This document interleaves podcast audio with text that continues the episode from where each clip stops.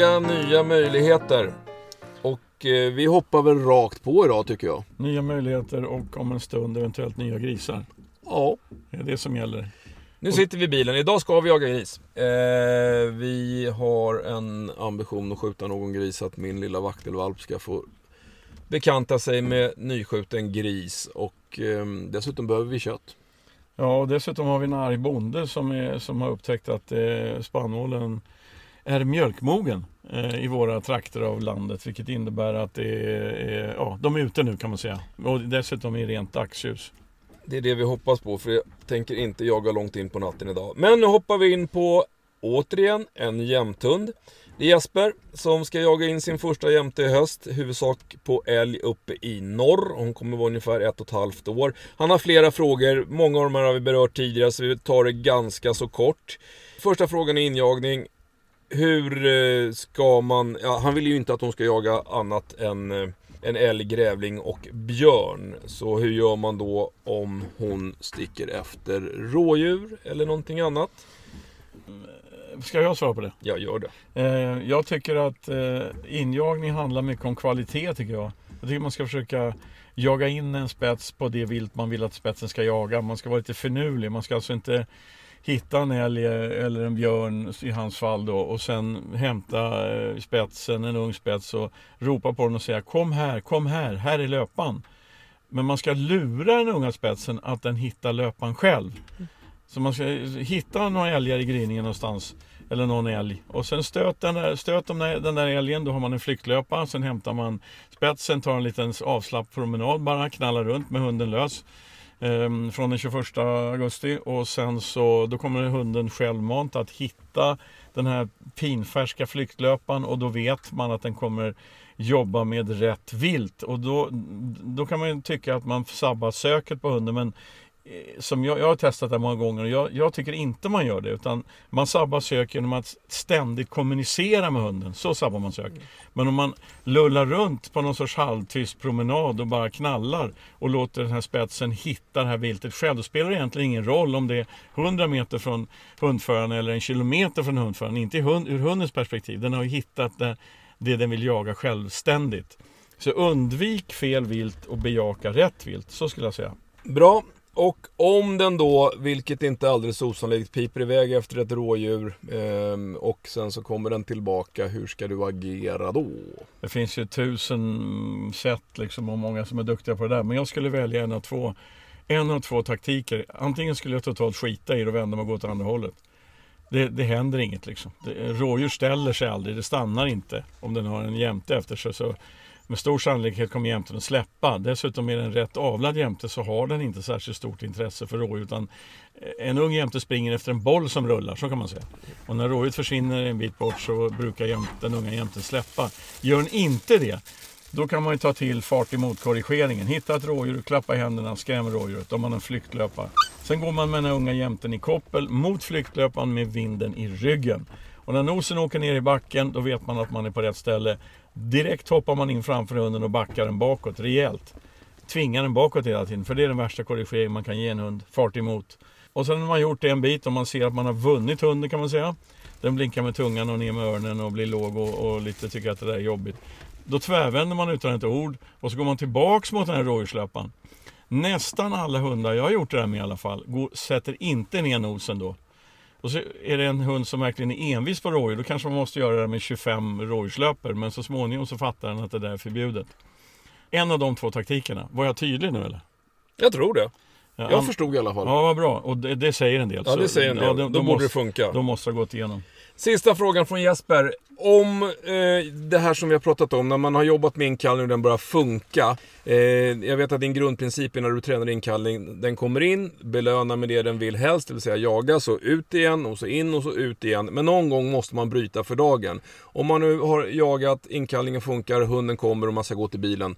Vad gör man för att inte den ska tycka att jäklar, nu kommer jag på inkallning får jag sitta i bilen. Ja, det finns ju en metod som jag har sett många gånger. Det är att man kastar sig över hunden, kopplar den, släpar den till bilen, kastar in den i bakluckan och slår igen luckan. Det är en modell. Den andra modellen är att vara lite schysst mot hunden när den kommer. Sätt den ner och gulla med den lite grann. Krama den lite grann, brottas lite, ge en halv matsäcksmacka och ha lite lattjo med hunden innan man går till bilen. Då är det ju inte tråkigt att komma. Bra, då har vi klarat av det. Då går vi raskt... Nu är, det här är en typisk björn, ett björnsvar kommer nu. Nu är det en rövfråga igen. Ja, ja, ja, det har du rätt i. Men det är inte bajs. Eh, det- Det här är Isak som eh, ska ta över, eventuellt ta över en dreverhanne på fyra år. Och eh, problemet är att den här dreverhanen har fått ändtarmscancer. Det står ändtarmscancer. Den är opererad för två veckor sedan. Jag har hört att cancer kan komma tillbaka efter något år, skriver Isak. Och då undrar han, eh, är det så att kommer cancer tillbaka efter något år och vad kostar en sån operation? Då tyvärr Isak, med den här informationen så är det i princip omöjligt att svara på frågan. Därför att ändtarmscancer är liksom inte en diagnos. Det finns säkert fem, sex olika tumörtyper som kan sätta sig i ändtarmen någonstans. Och skulle jag gissa, och nu är det här en gissning, så ändtarmscancer är ju den, alltså det är den sista delen på tarmen. Den vanligaste cancerformen på hanhundar är någonting som heter analadenom och den sitter inte i tarmen, den sitter precis bredvid ringmuskeln, alltså bredvid analöppningen. Eh, och, och då, är det en helt, då blir det ett helt annat svar på frågan för ändtarmscancer är oftast malignt, de som sitter i tarmen. Och är en, eh, den kan mycket väl komma tillbaka efter något år. Där de, de här analadenomen är däremot en godartad cancertyp. Har man tagit bort den så är sannolikheten, eller risken för ett återfall mycket, mycket mindre. Kastrerar man dessutom hunden så blir det ännu lägre risk att den ska få tillbaka det eftersom det är testosteronet som styr eh, tillväxten av den här cancertypen. Så, så eh, tyvärr Isak, du får kolla med den killen som har dreven och fråga lite mer om vad var det här för, för cancerform och hur satt den och så vidare. Innan jag kan ge dig ett bättre svar än så. Du, alltså när vi ändå, nu är det utanför mm, den frågan, men, men eh, senaste kursen jag hade uppe i eh, norr, då eh, innan jag blev sjuk, jag var sjuk ju. Det Ja. måste jag också berätta om. Ja. Det har varit synd om mig som fan. Jag trodde jag fick corona. Ja. Det var ju fruktansvärt. Jag hade feber och hosta och tänkte att nu är det slut. Men så gick det över på 48 timmar, tack och lov. Hur som helst. Men, men det, ska det kan ha varit en riktig mancold och det är inte att leka med. Ja, jag, jag, jag, jag var jävligt klen alltså. Ja. Okej, men Ja. eh, i alla fall, hur som helst så såg jag på den här kursen en gråhund som plötsligt satte sig på Ja, du, du uttrycker de här orden så fint. Ändtarmsöppningen. Du, du kan säga det med en slags emfas. Jag har svårt att göra. Men hur som helst. Hunden satte sig mot och tryckte ändtarmsöppningen mot underlaget, mot backen. Och släpade sig framåt. Då sa jag till tjejen som hade det att du måste tömma analsäckarna. Då tittade hon på mig som om jag vore tokig. Nej, men alltså, för mig är det ju självklart att om hunden gör så, då är det problem med de inflammerade säckar eller fulla säckar Ja. eller någonting. Hur vanligt är det där? Eh, vanligt. Det är faktiskt absolut vanligast på små, små hundraser. Chihuahuor och ja, de- de här lite mindre raserna har, det, har större problem med, med överfyllda inflammerade analsäckar än större raser. Men det kan drabba alla raser. Och, och det är ju så, har man en hund som har återkommande problem med analsäckarna det bästa är att förebygga att man kan tömma själv, vilket inte är svårt. Det är inte det trevligaste man kan göra, men det är inte svårt. Och eh, de, de hundarna som har återkommande inflammationer, där kan man faktiskt operera bort analsäckarna. Men Men, det där bör alla hundägare veta hur man, eh, nummer ett, var analsäckarna sitter och hur de fungerar och eh, gärna hur man tömmer dem. De sitter precis vid sidan om äh, ändtarmsöppningen. Ja, precis. De sitter i rövhålet. En sitter ungefär klockan fem och en sitter klockan sju om eh, Det analöppningen här helt enkelt. påminner mig om en alldeles sann historia. Aja vet du, tokspanien jag hade förut. Eh, godshunden. Ja. Eh, hon hade ett problem med analsäckarna. Under några månader så kallades hon av min äldste son för Aja Brunrand. Därför att hon gick in i hans rum och kanan. tömde, tömde själv analsäckarna på hans matta. Ja. Så att, Ja. ska vi lämna det här ämnet eller? Nu lämnar vi ämnet eh, och vi hoppar över till en fråga från Norge. Det är alltid trevligt. Amund har en engelsk cocker, inte jaktvarianten som är två år gammal. Det är en godkänd, godkänd eftersökshund. Den stöter rådjur utan skall fem minuter. Till hösten hade Amund tänkt att eh, ha den här kocken även som stötande hund på skogsfågel. Och då undrar han lite grann, kan man ha en spaniel som stöter både fågel och klövvilt? Och hur bör jag bete mig om hunden går in på ett klövviltspår under fågeljakt? Ska jag korrigera eller låta hunden löpa ut? Ja, nej men alltså en spaniel som jag, de jag har haft i alla fall, de är relativt lätta att styra. Eh, Så han kan säkert stoppa den här spanieln om han har lust med det, även idag då när, när den stöter, om den drar efter tyst efter något klöv eh, och eh, mot en väg eller någonting så kan han säkert stoppa den. Mm. Och den kommer jätteglad tillbaks till husse. Och har han en sån spaniel, så pass följsam spaniel som de flesta spaniels kan bli. Då är det inga problem att stoppa den om den drar efter klöv när han jagar fågel. Och första frågan där, kan man ha den till både och? Svaret är tveklöst ja. Mm. Du kommer ihåg Aja, Dissa också, hon skällde ju gris och stötte änder. Så att det är inget fel. Men det enda man får tänka på då är att, som, som framförallt lilla Dissa, den Spanien hade senast. Om man skickar in henne i vassarna för att stötta änder, då kan det ju komma gris. Ja.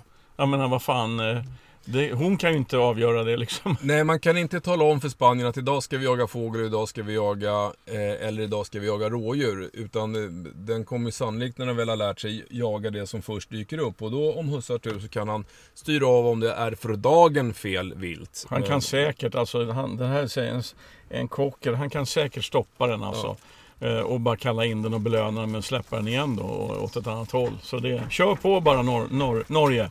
Bra Norge! Vänta, vi har en fråga till ifrån Amund och den har tydligen haft borrelia den här eh, voven också och blivit behandlad. Och nu börjar den äntligen pigna till. Och då är hans fråga kort och gott, hur går ni tillväga för uppträning efter en kraftig antibiotikakur?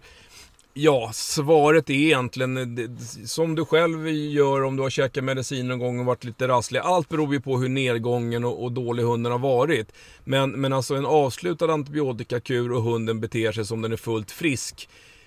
Då kör man igång träningen fast man börjar ju på, på en lite lägre nivå än, än, eh, än vad man annars skulle ha gjort eftersom hunden faktiskt har varit sjuk och, och varit lite hängig. Men det är ingenting behöver vara orolig för för är infektionen avlägst så är det bara att köra på. Nu det här, det här ljudet som Ja. stör, det är valpen alltså. Jag Björns, ska göra så här nu. Björns framtida vaktelkanon.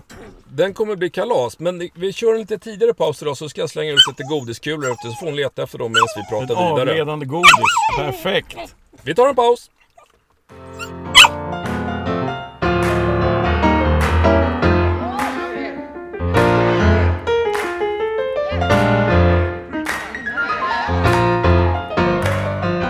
Bra, nu ska vi ta en fråga ifrån Kristoffer. Jag är lite, eh, eller vi är lite fundersamma ska jag säga. Kristoffer skriver att han har en taxtik som han jagar med och varje gång hon löper så är hon väldigt deprimerad och energilös. Men han skickar med en bild på den här tiken och det ser nog inte ut som en tax. I alla fall inte en renrasig tax. Nej, för längre ner skriver han att han inte har några planer på att para henne. Hon har tydligen lite blandade gener bakåt i ledet. Har ni någon gissning gällande täckning, ras får ni gärna dra en chansning. För mig ser det ut som en så kallad drax. Det är en drever taxkorsning. Men Han vet inte vad det är för raser eller? nej, det verkar inte så. Men okej, det är inte frågan. Det var, ehm, det var ett, ett, ett, ett utvik. Är det här vanligt med skendräktiga eller taxtikar, tikar som eh, får problem eh, och tappar energi och blir deprimerade? Vanligt skulle jag inte säga. Det förekommer men det är, det är inte vanligt. Och eh, Kristoffer har ju provat med medicinsk behandling då men det tar några dagar innan det har effekt. Och då undrar han helt enkelt, är det bättre att taxen blir kastrerad? Och med tanke på det jag sa förut, han har inga planer på att para henne. Och jag skulle helt sonika svara ja på det. Har man en tik som har de här problemen, eh, om man inte ska ha den i Massa, avel. massa skendräkt också eller? Ja, hon läcker mjölk och så vidare. Det, det är ju... Ja, mer problem än nytta. Det finns ju ingen nytta alls med det där. Så jag skulle de- definitivt kastrera henne. Hormonerna skenar. Hormonerna skenar och, så, och det är lite tråkigt både för henne och sker det dessutom mitt i jaktsäsongen så blir det ju värdelöst. Så att eh, mitt, mitt råd är ja, kastrera henne. Kastrera din tax slash vad är det för ras? Frågetecken. Ja, Ungefär så. ungefär så. Ehm, och från och med nu är det alltså så att alla frågor rörande hormoner går till Björn Lindevall på mejlen jakthundarojakt@gmail.com. Yes! Och alla frågor som rör koppel, de går till Peter Ekeström på samma mejladress. Vi har fått en fråga om koppel. Det är en, eh, en eh, tjej som heter Hanna som, eh, ja hon ska ju inte jaga men, men husse ska jaga med en vaktel och de väntar nu på att bli ägare till en vaktelvalp. Och då undrar Hanna helt enkelt vad vi tycker om strypkoppel eller om det finns något bättre alternativ. Strypkoppel, det som numera kallas dressyrkoppel. Ja. Eh, ja, om frågan går till mig så svarar jag så här. Det finns många bra saker med strypkoppel. Det är många som använder det och eh, tycker att det är jättebra. Jag gör inte det eftersom jag försöker undvika att kommunicera med hunden i koppel överhuvudtaget. Ehm, det är därför jag har breda halsband eller liknande. När jag är i skogen så har jag ett trivekoppel och det är ju, kan man ju säga är ett slags stryp för att man, ja, det är ju en snara man, man men, men jag undviker att korrigera hunden med hjälp av koppel och halsband och sånt utan det gör jag på andra sätt. Så jag är inte för strypkoppel. Vad tycker du Lindevall? Jag har nog inte haft ett strypkoppel på någon av mina hundar på eh, 20 år. Eh, jag använder precis som du retrieverkoppel i skogen men det är för att det är praktiskt att stoppa i benfickan och, och, och lätt att sätta på. Men det är ju, inget, det är ju bara till och från bilen möjligen. Så att eh, sen ska jag i ärlighetens namn säga att mina hundar, ja de kan gå fot men det är inte så att jag kräver av dem att gå fot. Men de får naturligtvis inte hänga i kopplet. Men, eh, men... Eh, ja men det kan man ju fixa utan att ha strypkoppel på. Det jag skulle säga, jag tror inte att... Det här låter ju kaxigt att säga men för mig är det någonting som är lite fel om man måste inom citattecken plåga hunden eller halvstrypa hunden för att den ska korrigeras. Det, det, det bör vara någonting annat som gör att den går lite mer följsamt. Men, men alltså det finns ju, sen är det hund, olika hundtyper alltså. Det, det, finns ju de som jobbar med, med eh, brukshundar på det sättet att man Tanken är inte att skada hunden med stryplänk utan att påminna hunden för det rasslar ju liksom. Ja. Om man ska, och, och jag menar fine, det är väl en bra taktik då men men jag har ut, uteslutande löshundar som är avlade för att vara mil från mig. Eh, och då vinner man på att kommunicera med dem på ett annat sätt än genom att rycka dem i kopplet om jag uttrycker mig så. Då. Men det är min taktik. Det finns ju, jag tycker att den här matten till blivande matte till vaktelvalp ska ta sig en funderare och snacka lite med alla möjliga och så prova sig fram helt ja. enkelt det hon tycker är bra. Det här var vår uppfattning. Och vi fick ju frågan så vi svarade på den. Ja precis. Då svarar vi på nästa fråga. Halvstövare. Ja, det är en halvstövare som nu är ett år och tanken är att den ska jaga älg. Så jag misstänker att det är den andra halvan, det framgår inte, men den andra halvan kanske är någon typ av spets. Eh, den eh, verkar, verkar lovande skriver Husse. Den eh, struntar i harar och sånt där. Hans fråga har egentligen ingenting med jakt att göra utan det är att den här halvstövaren är väldigt sugen på att eh, rida på andra hundar. Vilket, jo, där står det han. Det är en hane med andra ord. Han verkar inte aggressiv. Han har inte varit arg som husse har uppfattat det. Men, men det här ridandet är, är, är återkommande. Och då undrar husse, hjälper en kemisk kastrering? Ja, och nej. Nej, men det, den här frågan är också lite grann som Isaks fråga tidigare. Den är svår att svara på därför att ridande eh, behöver ju inte ha ett dugg med, alltså det behöver inte ha någon typ av parning eller sexuella eh, bakomliggande orsaker för att en hund ska rida på en annan. Tikar rider på varandra. Det kan vara ett dominansbeteende, det kan vara ett osäkerhetsbeteende.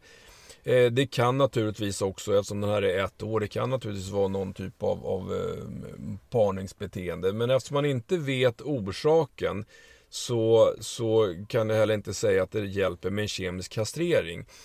Det jag kan säga däremot det är att Ska du inte ha honom i avel, prova en kemisk kastrering. Vi har haft uppe det förut. De som inte vill kirurgiskt kastrera sina, sina hundar kan ju alltid prova en kemisk kastrering. Det vill säga man sätter in ett, en liten kemisk substans i ett chip i nacken som räcker någonstans mellan 6 och 12 månader beroende på vilket chip man använder.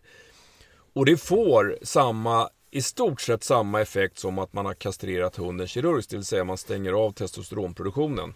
Det tar lite längre tid innan effekt, men, men när, när det har väl fått effekt så, så får man, eh, ja, och då kan ju du se om det här beteendet förändrade sig. Och eh, tycker att det inte alls förändrade sig och du inte vill ha hunden kemiska sed, ja då sätter du inte in något nytt chip och, och Men alltså, var han ett år gammal eller? Ja. För det har ju med det att göra också kanske. Alltså han har precis blivit könsmogen ja, och då, han kan inte kontrollera det där. Så, så, så det kan så ju mycket En annan variant är att bara vänta och se om det fortsätter. Om man nu inte vill eh, testa kemisk kastrering. Jo men alltså en annan grej med kemisk kastrering. Två frågor har jag nu. Mm. För det första, hur länge dröjer det efter en kemisk kastrering eller för den delen en riktig kastrering innan all testosteron är ut ur kroppen? Ja, Jag tror att det är minst fyra veckor. Eh, jag, tror, jag har sett en siffra faktiskt på fyra till sex veckor. Åtminstone fyra veckor. Därför att det man gör är ju att du stänger av, alltså kastrerar man en hund oavsett kirurgiskt eller, eller kemiskt så stänger man av testosteronproduktionen. Men den testosteron som finns i kroppen den tar tid innan den försvinner helt. Och sen har vi också det här som vi berört tidigare, en, en äldre hanhund som kastreras har, tar ju längre tid innan den blir helt ointresserad av löptikar eller släpper sitt hanhundsbeteende. Om den någonsin gör Om det. den någonsin gör det, för det är delvis också ett inlärt beteende. Mm. Så att, eh, Nästa fråga. Kemisk kastrering. Du sa förut att han inte tänkte para den, men en kemisk kastrering, när den tiden är ute liksom, då, eh, då dundrar väl testosteronproduktionen igång igen? Yes, så då kan man använda den i avel. Ja, precis. Mm. Så, så det är det som är fördelen med den kemiska kastreringen. Man kan testa effekterna om man tycker att man har en hund som beter sig konstigt eller på många sätt så kan man ju se om det här med kastrering, funkar det? Och vill man ha en avel så ja, då, då när det här har gått ur kroppen, den här kemiska substansen, då är det tillbaks på banan. Så det är om det. Då hoppar vi till valpens första tid. En fråga ifrån Marcus. Han har en väldigt bra liknelse. här. Han säger hundar är många, många gånger som att likställa med barn. Fråga mig som sitter med en pipig valp i baksätet. Just nu är hon tyst faktiskt. Han har fått förtroendet att ta valp från en kennel som föder upp jämthundar. Och undrar vad ska man tänka på första tiden? Trygghet, närhet, lek, kärlek, skogsvana kommer ju långt med. Men när, man ska, när ska man börja tänka i termer som blivande jakthund? Och då tänker han främst på lydnadsträning, nosarbete och fokuserad träning på inkallning. Jag kan börja svara, för Peter har massor att säga om det här, det vet jag. Men eh, för er som följer oss på Instagram, jakthundar och jakt, så kommer det inom alldeles kort, när Peter har redigerat och lagt ut, finnas en, en jättebra liten övning med en, en vaktelvalp. Där vi tränar nosarbete, vi tränar hjärnan, vi aktiverar henne genom att göra ett, ett enkelt spår. Titta får ni se. Eh, och det där är ett sätt att träna indirekt inför jakt träna henne att använda nosen på ett, ett sätt eh, som hon tycker är roligt och, och, hon får jobba och följa det här spåret. Så, så att för mig så är det så att den här grundlydnaden och jaktträningen, de går lite hand i hand. Eh, alltså det blir en flytande övergång. Så att så småningom så, så men, men, som jag sagt tidigare, jag gör ju det här, det här är ju väldigt kravlöst. Jag går ju inte med någon lina och inget spår, utan hon är lös och följer ett spår. Va? Och, och samma sak med lydnaden, inkallningen, den jobbar jag med redan dag tre efter att hon kom till mig. Börjar jag ju försöka, och det finns också på Instagrammet Ja, tror jag. jag tror det, ja. eh, lite, lite inkallningsövningar. Så att, så att eh, jag tycker inte att det är för tidigt. eh, Alltså, när den väl börjar känna sig hemtam i miljön, den nya miljön och anpassa sig till den. Då kan man mycket väl börja köra lite träning, lekfull träning. Eh, det var väl det tycker jag om den här första. Men, men sen då om, om vi lämnar över till dig Peter. Vad, när, när ska man börja tänka i termer som träna mer jaktmässigt? Alltså lydnad, nos, spår, inkallning. Ja, alltså, det bör, alltså, alltså du vet ju hur jag har gjort med min ettåriga jämthund. Alltså, det börjar man ju med direkt på olika sätt eh, i vardagen. Alltså. Eh, det här nosarbete, det, är- det är ju liksom spårteknik. De tränar ju spårteknik. Eh, om jag drar iväg, bara springer iväg eh, och, och valpen inte märker det, då blir valpen orolig. Sen kommer den ta mina, mitt slag eh, och hitta mig, alltså mm, en bit bort bakom en buske eller vad fan runt en husknut eller någonting. Eh, Det, det är spårteknik, då tränar de näsan alltså. Plus att de blir lite utmattade i huvudet och det är bra mental träning och sånt. Men, men han, det, var, det var en jämthund vi snackade om nu, eller hur? Mm. Alltså det viktiga med, det där, med jämthundar av rätt krut liksom. Eh, Det är att man bygger samarbete så att man själv blir en belöningsmaskin. Och det smartaste är ju när han börjar med skogsträning, skogs, alltså skog, van, skogsvaneträning kan man säga. Eh, som ju är början på injagning i skogen. Då är man jävligt på tårna varje gång som man är helt säker på att hunden är på väg in till mig. Då kallar jag på den. Mm. Jag kallar aldrig på en jämthundsvalp som är på väg åt andra hållet. Utan då tjoar man eller vrålar nej eller namnet eller någonting för att få uppmärksamhet. Och sen när valpen har uppmärksammat mig och jag springer därifrån, bort ifrån den och den är på väg till mig, då kommer inkallningen. Och det där fortsätter man med sen hela vägen ända. Det gör jag med Lita nu när jag släpper den i skogen. Jag ser på pejlen när hon är på väg, jag vet att hon är på väg in till mig, då kallar jag. För då blir inkallningen någonting, på, hunden är redan på väg liksom. Eh, så att man försöker undvika att skrika kom hit på, till en ung jämtön som är på väg åt andra hållet. Det intressanta är att vi ska jaga vildsvin här om en, om en timme och nu ringer bonden. Eh, vi ska se om han vill. Tjena Janne! Ja, vi är på marken nu. Ja, så fort vi sitter och jobbar och spelar in ett radioprogram i Björns bil, men så fort vi klarar med det så börjar vi jaga. Ja visst, jag ringer dig sen. Inga problem. Bra, tja. Ehm, bonden upplyste oss om att eh, det var massor ute igår då. Vid sjutiden. Vad bra. Ja, bra. Då letar vi reda på dem sen. Mm, men vi hinner fortsätta med podden. Vi fortsätter. Eh, Men om man eh, läser Marcus fråga så är han, alltså han är inte så mycket inne på, på hur utan mer när börjar man lägga eh, lydnadsträning, nosarbete som är fokuserad på jakt då? Ja men alltså direkt egentligen. Ja, ungefär Alltså- som jag sa, det är en flytande Ja, övergång. ja, precis. Det, det går, Precis. eh, så att man bygger på. Jag menar om jag nu la ett godisspår, eh, om eh, någon månad kommer jag säkert börja lägga, lägga lite klövspår och, och, och inkallning blir mer och mer avancerad. Det blir, nu är det inkallning på öppen yta och jag ser, ser henne och hon ser mig och sen blir det ju mer och mer Men, men det är som prägling va. Det var ju som Lita, min ettåring. Du vet ju hur det var förra sommaren. Hon var nio veckor gammal. Ehm, då sköt vi ett vildsvin i spannmål och sen så släppte vi henne så fick hon självmant. Det tog tio minuter Mm. innan hon vågade sig fram och nosa på den där. Eh, och till och med småbjäbba lite grann. Det är ju en prägling alltså och det har ju med jakten att göra. Mm. Men tanken är ju att ik- ikväll blir det premiär för din. Hur gammal är hon nu valpen? Tio veckor. Tio veckor, ja det är lite sent alltså. Men, Ja, men jag, har inte varit ute på ett par veckor. Nej men alltså vi skjuter ett vildsvin ikväll och så får de nosa på det. Och, och det är ju liksom Eh, i egen takt alltså. I 100% in, inget tvång och ingen rycka grisen och skrika ta den här, ta den här. Utan helt i egen takt. Och, och, och, och då kan man ju undra när börjar jaktträningen? Ja den börjar ju nu då. Ja. Så, så att det är väl det. Det var mycket svammel runt det här Marcus, men alltså vi ser inte någon tydlig... eh, Vi, Svammel, det, vad fan menar du med det? Nej men vi, vi ser inte, det, det, det är inget datum liksom. Man börjar träna valpen så fort den känner sig trygg i sin hemmamiljö. På precis samma grejer som man, som man så småningom gör mera jaktligt betonade. Men i början är det mera lek och efter takt, i takt med att valpen utvecklas och växer och blir större så lägger man in mer och mer regelrätta träningspass. Men allt är ju fokuserat på Sen på inga krav någonstans. Inga, exakt, inga krav. inga krav. Vi hoppar över till en skillerstövare fyra år. Det här är ett litet större problem tror jag. Den här ska då jaga räv, men, eh, men han kan inte låta bli vare sig älgar eller rådjur.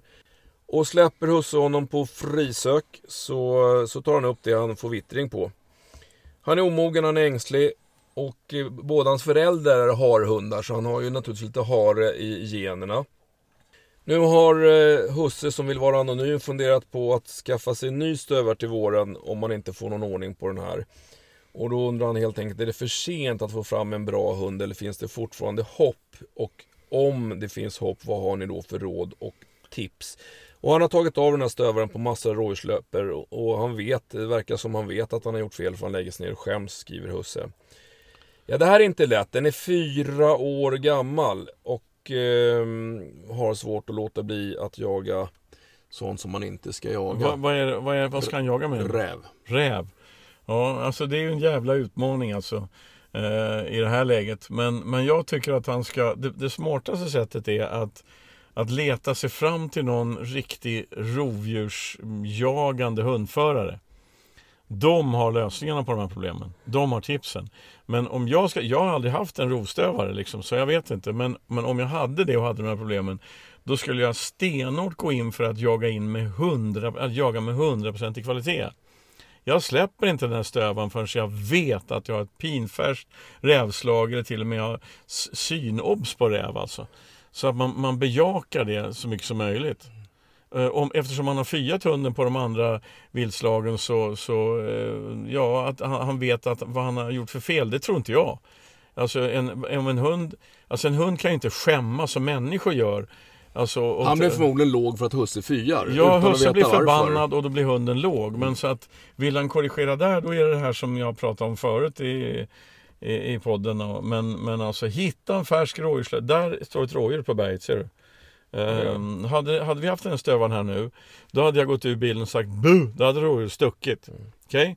Då hade jag tag, tagit stövaren i koppel och gått mot den där flyktlöparen. Det, om jag säger bu nu så kutar den där snett upp över berget, det ser man ju. Så går man prova? mot den. Ja, prova.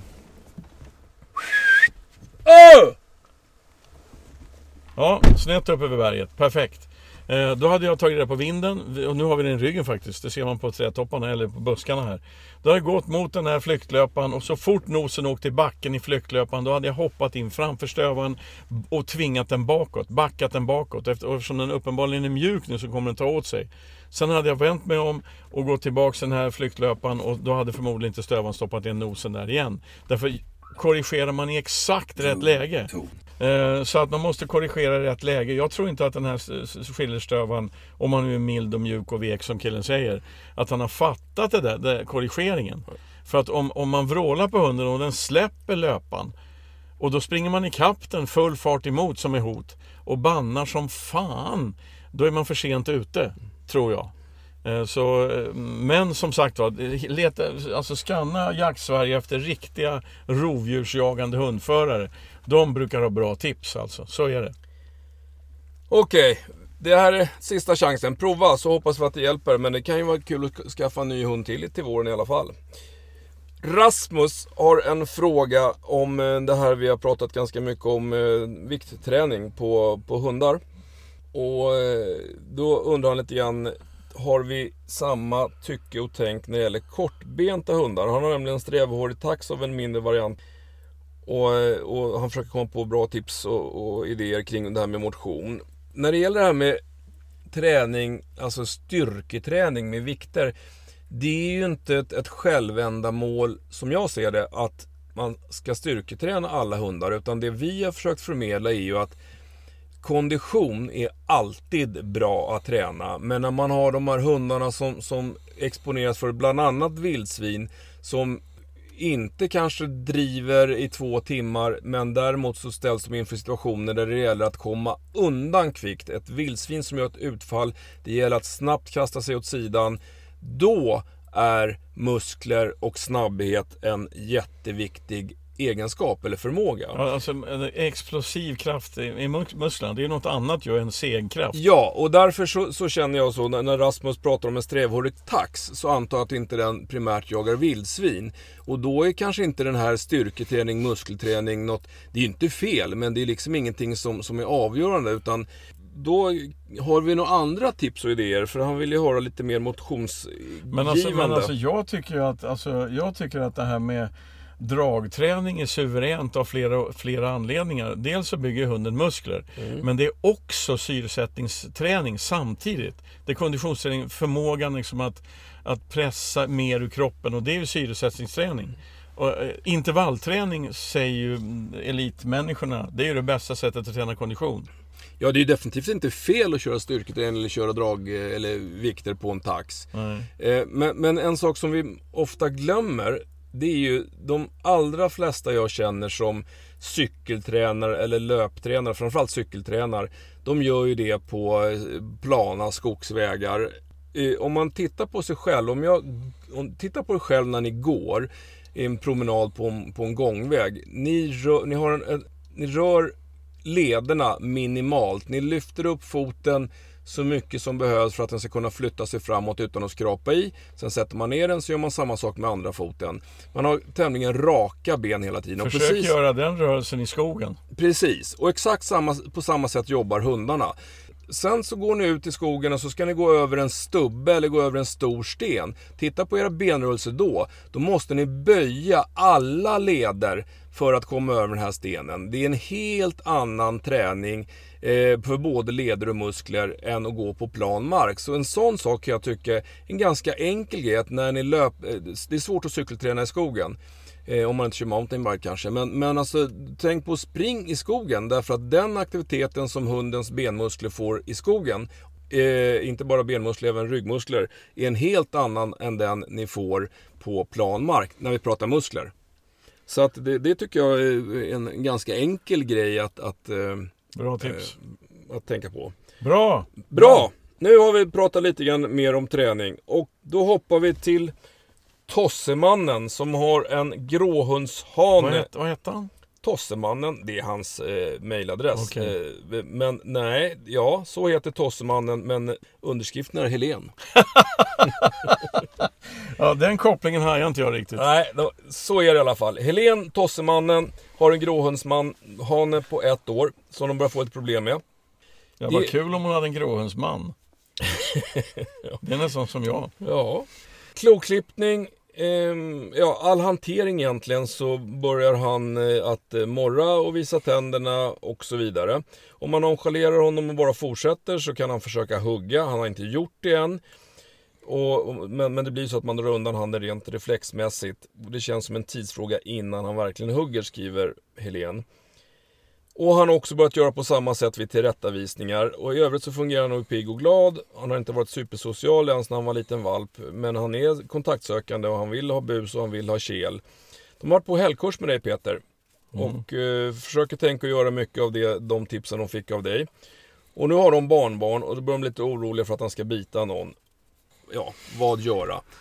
Eh, Ja. om, jag kan bara inleda, för det här är egentligen din fråga. Men, men en gråhundshane på ett år, han är sannolikt i, i pubertet, sen pubertet. Han är i övergången mellan att vara valp, unghund till att bli vuxen. Han, och jag menar som det funkar i, i, i flocklivet, i verkliga flocklivet, så är det liksom läge nu att börja ta en position i flocken. Testosteronet börjar, börjar pumpa runt och eh, ja, det gäller att göra sig stor och kaxig. Så att eftersom man är i den åldern så kan det här vara en, en utlösande faktor. Sen vad man gör åt det Peter. Ja, alltså när jag hör det där då så tänker jag direkt att då börjar de här människorna bli oroliga. Eh, och det ser hunden direkt. Vet man inte vad man ska göra så ska man göra något ändå. Man ska agera. Och i det här fallet så tror jag att ni måste styra upp den här gråhunden. Alltså med väldigt tydliga regler. Um, alltså var väldigt självsäker i kroppen. Säg till, lägg av med det där nu. Alltså det, det ska vara eh, extremt tydligt. Det har förmodligen inte varit något problem eh, när hunden var valp därför då är den naturligt följsam och, allt det där. Men det är som du säger, nu börjar hunden bli vuxen och det är nu, nu måste man faktiskt komma, nu måste kraven komma in här. Tydlighet och krav alltså. Men, och krav är ett sånt jävla negativt ord. Men tydlighet, det gäller att vara tydlig och inte visa oro själv. Ehm, så. Men tar vi, vi tar ett, ett, ett exempel där. Hon lyfter själv fram exemplet kloklippning. Eh, det kan vara så att de, när de ska klippa klorna på den här gråen, unga gråhunden så gör de det på samma ställe varje gång. Eh, på en stol i köket eller mot köksbänken på golvet eller någonting sånt där. Va? Eh, gör så istället att ta med klotången ut och, och lite schysst godis och sen så vräker man som kull mot ett träd under promenaden lite var som helst. Ta gråhunden mellan benen, benen, alla fyra benen i luften, ge den en köttbulle och börja klippa klorna som om det vore den lugnaste och självklara saken i världen. Då överraskar man hunden och dessutom har man bytt miljö. För de flesta in, alltså beteenden som börjar bli invanda, de är också som jag ser det, de är också kopplade till situation och miljö. Så förändrar man miljön, då är 50% förändrat.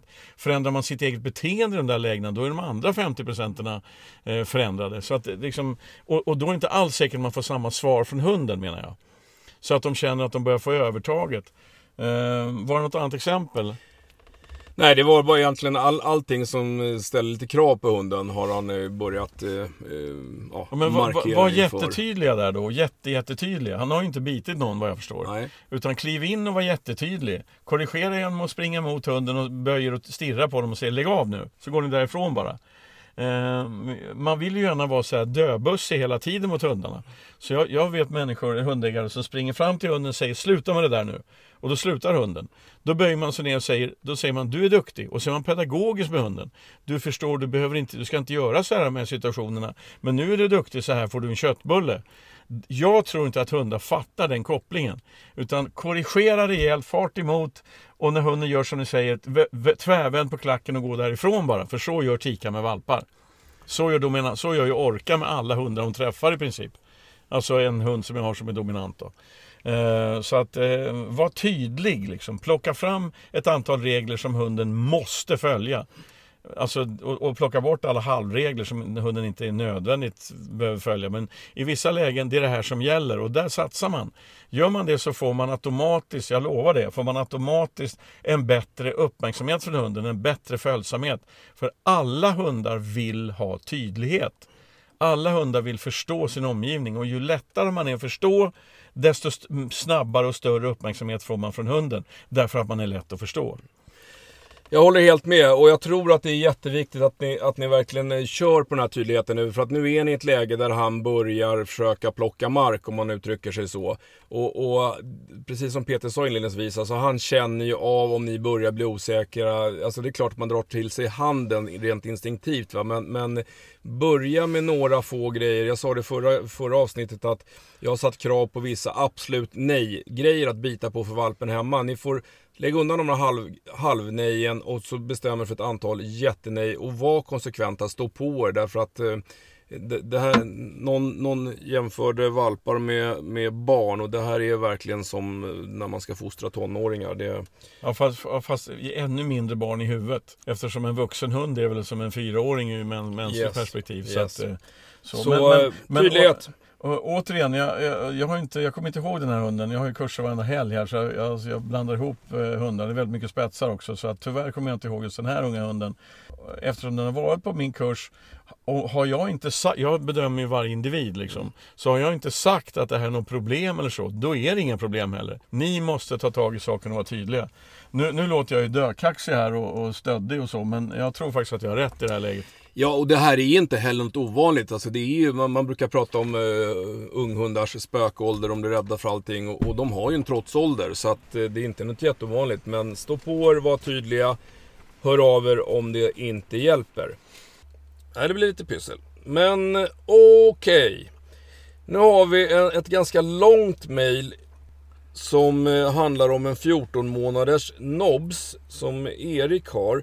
Eh, Erik och hans sambo har tränat den här nobsen väldigt mycket på mm, ja, sitta innanför dörren och sitta i bilen och med koppel och gå vid sidan och så vidare. Han har två problem om man kokar ihop det här till, till eh, en, en frågeställning. Och det ena är att nobsen när den går i långlina så drar den. Den, den, den, drar hela linan ut och, och drar ut i ändan på linan helt enkelt. Husse kör alltid med godis och eh, kan locka in honom. Han kommer och tar sin godis, sen går han ut och spänner upp linan igen. Det är det ena problemet. Det andra problemet är när han har haft nobsen lös så, så eh, har han försökt att hålla den på 20-30 meter. Den har, den har rört sig i de faggorna. Nu börjar den söka sig längre och längre bort ifrån Husse. Och eh, som Husse skriver, inte ens en köttbulle lockar tillräckligt mycket för att han ska ge upp sitt men, sök. Men stopp, stopp här nu. Stopp ett tag här nu. Uh, nu, nu uh, Erik eller? Ja. Erik, skärpning. Du har en Nobs, en Norrbottenspets. Om du inte passar dig för det där, han ska gå 20-30 meter ifrån mig men inte längre. Det är ett ganska bra sätt att totalt förstöra sök, sökviljan, söket hos en Norrbottenspets.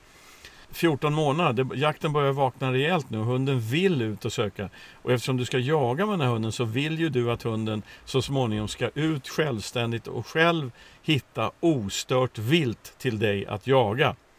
Eh, så att eh, det där med att hunden måste hålla sig 20-30 lös eh, på kommando liksom. Eh, det tror jag är, är fel väg att gå i det här läget.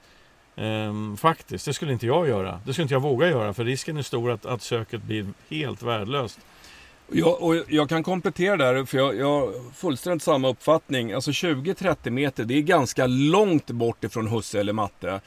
I, och det, det, nu kommer jag inte ihåg siffrorna, men det finns ju de här eh, kontaktzonerna. Liksom, eh, om jag har mina hundar på 5-10 meter, då vet jag att jag kan styra dem. Kommer de längre bort, då börjar jag tappa styrningen och då försöker jag inte ens styra. Eh, för att, som, precis som Peter säger, jag vill ju inte kunna styra, alltså jag vill inte att de ska hålla sig så nära mig när vi ska jaga. Runt omkring mig, fine, då vill jag kunna säga stopp, ni ska inte gå bort på den här katten som sitter på grannens gräsmatta. Men, men kommer de för långt bort, då kommer de gå till katten och, och det, det, så är det. Sen, sen en grej till Erik, som, som eh, du har godis i fickan och du skriver själv att inte ens en köttbulle lockar i vissa lägen när du är ute på sök. Och det är precis det här som, som Pet, en av Peters deviser att Alltså vad är det våra jakthundar vill? Ja, de vill jaga. Det är en unga nobs och han är, alltså, han är ung så det finns ju rätt mycket kvar att, att hämta innan han är färdigmognad. Men, men, ehm, det är ju men, men det är jaktlusten och den ska, ju, den ska man ju inte försöka bromsa här. Utan köttbullar i all ära, när inte ens de lockar utan jakten lockar, mer, jakten lockar mer. Ja, då är ju Peters devis om att ta in hunden, när den kommer på inkallning, vad är den bästa belöningen för din nobs? Att få komma ut igen. Ta in hunden, vad är det bästa belöningen för din nobs? Att få komma ut och leta fågel igen. Jobba på det sättet istället, men, men återigen, försök och tänk till på om du verkligen ska bromsa din hund eh, när den är intresserad för att leta reda på fågel och annat. För det är inte dit du vill ha den så småningom. Och sen var det ett annat, han hade ett annat problem, nämligen att den drar som fan i linan va? Den Ja. kort lina typ. Långlina, Ja, men vad betyder det? 5 meter, 10 meter? det framgår inte. Men Nej, den går bra i koppel, men den drar i långlina. Ja. När den har sele på sig. Ja. Men alltså sele är ju ett dragverktyg, eh, mer i och för sig. Så prova, prova halsband då. Men sen tänker jag så här. Jag undrar om, man har lär, om, de här, mm, om de har lärt nobsen en broms. Alltså ett nej-kommando. Lägg av, sluta, avbryt. För att eh, det tycker jag är viktigt. Mina hundar, jag, jag har ju tre kommandon. Nej, sitt och kom. Det är, de, det är de kommandona som jag vill ska sitta. Och jag börjar med nej. Jag börjar med nej alltså. Ja, I och för sig så börjar jag med kom kan man säga eftersom jag springer från en valp och lockar på den. När den när, och kallar på den när den är på väg till mig. Men när, när det handlar om regelrätt eh, liksom kommandoträning, då börjar jag med nej. Det här går inte. För har man inte ett nej, då lär man aldrig ha en vettig inkallning i alla lägen. Utan man måste avbryta det hunden gör och det, då, då lär man in ett nej alltså. Och sen ska man vara, alltså godis är väl jättebra, godissök och lite godisspår och allt möjligt. Men godis funkar ju inte som belöning på en jaktmaskin alltså. Det, det är skit i hunden innan jaktlusten slår i. Om den hellre väljer köttbullar än jakt, då är den fel avlad om du frågar mig. För att en norrbottenspets ska ha så mycket jaktlust att den spelar ingen roll om man står och viftar med en sjötunga walewska eller en plankstek. Den ska fan inte komma ändå då. Eh, utan det är hundens egen vilja att komma. Gör som Björn säger, kalla in och släpp, kalla in och släpp, kalla in och släpp. För det är ju det hunden vill då. Ehm, och jag är ganska bra, jag jobbar med, jag har ganska bra styrning på mina jämthundar. Men, och kan ha dem lösa lite här och där. Men, men alltså när, när ettåringen kommer ur min liksom, jag kan stoppa dig eh, då är jag helt rökt. Och då får hon dra. Alltså, ja, då ropar jag inte på henne när jag inte vet att jag kan få stopp på henne. Precis. Eh, utan jag väntar istället tills hon är på väg hem till mig och då ropar jag på den. Men det där är ju, det är, det är ju finlir i och för sig då. Men, Ja men, det, men det finns ju en risk där för att om nu den här nobsen börjar eh, söka sig längre bort till 20, 30, 40, 50 meter. Jag, jag inbillar mig då att husse står och skriker kom och kom hit och, och ja, då försöker kalla på den. men då och, betyder ju kom hit, jag jagar. Ja, då har man ju tappat allt det här vi säger. Du, om du inte är säker på att få in hunden på ett inkommando, strunta i att ropa. Och precis som Peter sa nu, så som jag sa förut, att när, när våra hundar kommer utanför våran komfortstyrbara eh, zon, då ropar vi inte ens. Därför att då blir det här kom, kommet bara ett, ett ord som betyder någonting helt annat. Ja, och, och sen, sen, så, eh, sen är det så här också tycker jag att man Alltså hund, det är ganska lätt att göra hundar glada. Så att eh, om, om man får stopp på den här nobsen och, och man, man kallar på den när den kommer. Ja men alltså variera det här godismatandet med att kasta den ner på backen och rulla runt lite med hunden eller, eller spring och göm det eller börja kasta den ner på alla fyra och börja gräva i gräsmattan med fingrarna som en idiot. Det låter ju helt sjukt men det, det, hund, då kommer hunden tycka vad kul det där var och hjälpa till att gräva typ. Alltså gör, gör andra saker, lita inte på mat i alla lägen. Det är mitt absoluta råd alltså. Gott! Eh, kanske inte det svaret Erik ville höra, men det svaret vi gav. Nu var lite hårda nu Erik, men alltså, men alltså jag vill inte att du ska sabba söket på din Norrbottenspets för då kommer du vara tjurig i 12 år framöver när ni väl börjar jaga ordentligt. I all välmening. Just det. Vi avslutar med en fråga som jag inte vet om vi kan svara bättre på än någon annan. Det är Per som ska skaffa sin första jakthund. Och han vill eh, ha en, den ska funka i familjen, en sällskapshund. Och han vill kunna träna den på eftersök. Eh, sen vill han gärna att, ha någon som driver, ställer eller stöter. Och han eh, jagar på 300 respektive 600 hektar. Och då är det ju någon, någon kortdrivare, stötande hund man pratar om. Men eh, frågan är egentligen att det finns mycket varg i det här området. Och än så länge har inga hundar blivit tagna, men risken finns ju. Och då är, är Pers fråga, är det någon hundras som är bättre och mer sällan råkar ut för vargangrepp genom sitt sätt att jaga? Och jag kan inte svara på det. Jag, min spontana fråga är nej. Jag tror att alla hundar som råkar på fel varg riskerar att bli ett byte oavsett jaktsätt. Jag tror väldigt många löshundar i vargområden har träffat på varg utan att det hänt någonting. Och så då och då smäller det. Ja, Men, men alltså det är klart att rena löshundar har ju, löper en större risk. Alltså en spets som står och skäller ståndskall i sex timmar talar ju om för alla vargar i kommunen att här står jag. Här står jag. Ja, finns jag. jo men alltså, det kan man nog säga att, att de här som går långt eh, och drevrar, eller ja, lång, långdrivande hundar, de löper naturligtvis en större risk. Alltså jag kan, rent så här allmänt så kan man ju tänka sig att en hund som Ta en klassisk springer spaniel som ska stöta under bössans räckvidd. Den löper förmodligen mycket, mycket mindre risk därför att då har man en husse eller matte i närheten som låter och pratar och visslar och tjoar. Vilket vargen förmodligen undviker. Problemet med det är att om han jagar i vargland så finns det säkert inte särskilt mycket rapphöns och kaniner där. Nej. Så att Så- den, så att, just eh, den Nej, men, nej men det är ju det. För han, han, sk- han skrev att det finns de flesta vilt utom då på marken. Och det betyder ju att det kan bli långskjuts. Och då kommer en hund långt ifrån husse och matte. Ja, men då är det någon sån spaniel eller münsterländer eller någon... Eh, Men det blir lite tråkigt på 600 hektar. ja, det blir det ju. Men, men eh, ja, jag vet inte. Nej, jag, eh, svaret är nog helt enkelt att jag tror att eh, det är nog tyvärr så illa så att eh, otur, fel varg, fel tillfälle så spelar nog inte rasen någon större roll. Nej, alltså vi har, vi, har, vi har helt enkelt inget svar på den frågan. Nej. Sorry. Okej, ska vi, alltså vi har pratat ganska länge då Peter. Nu, Ja. nu ska vi ta en kopp kaffe och sen ska vi se om grisarna kommer ut vid sju. Yes, vi chansar. Tack för idag, Om någon frågar oss.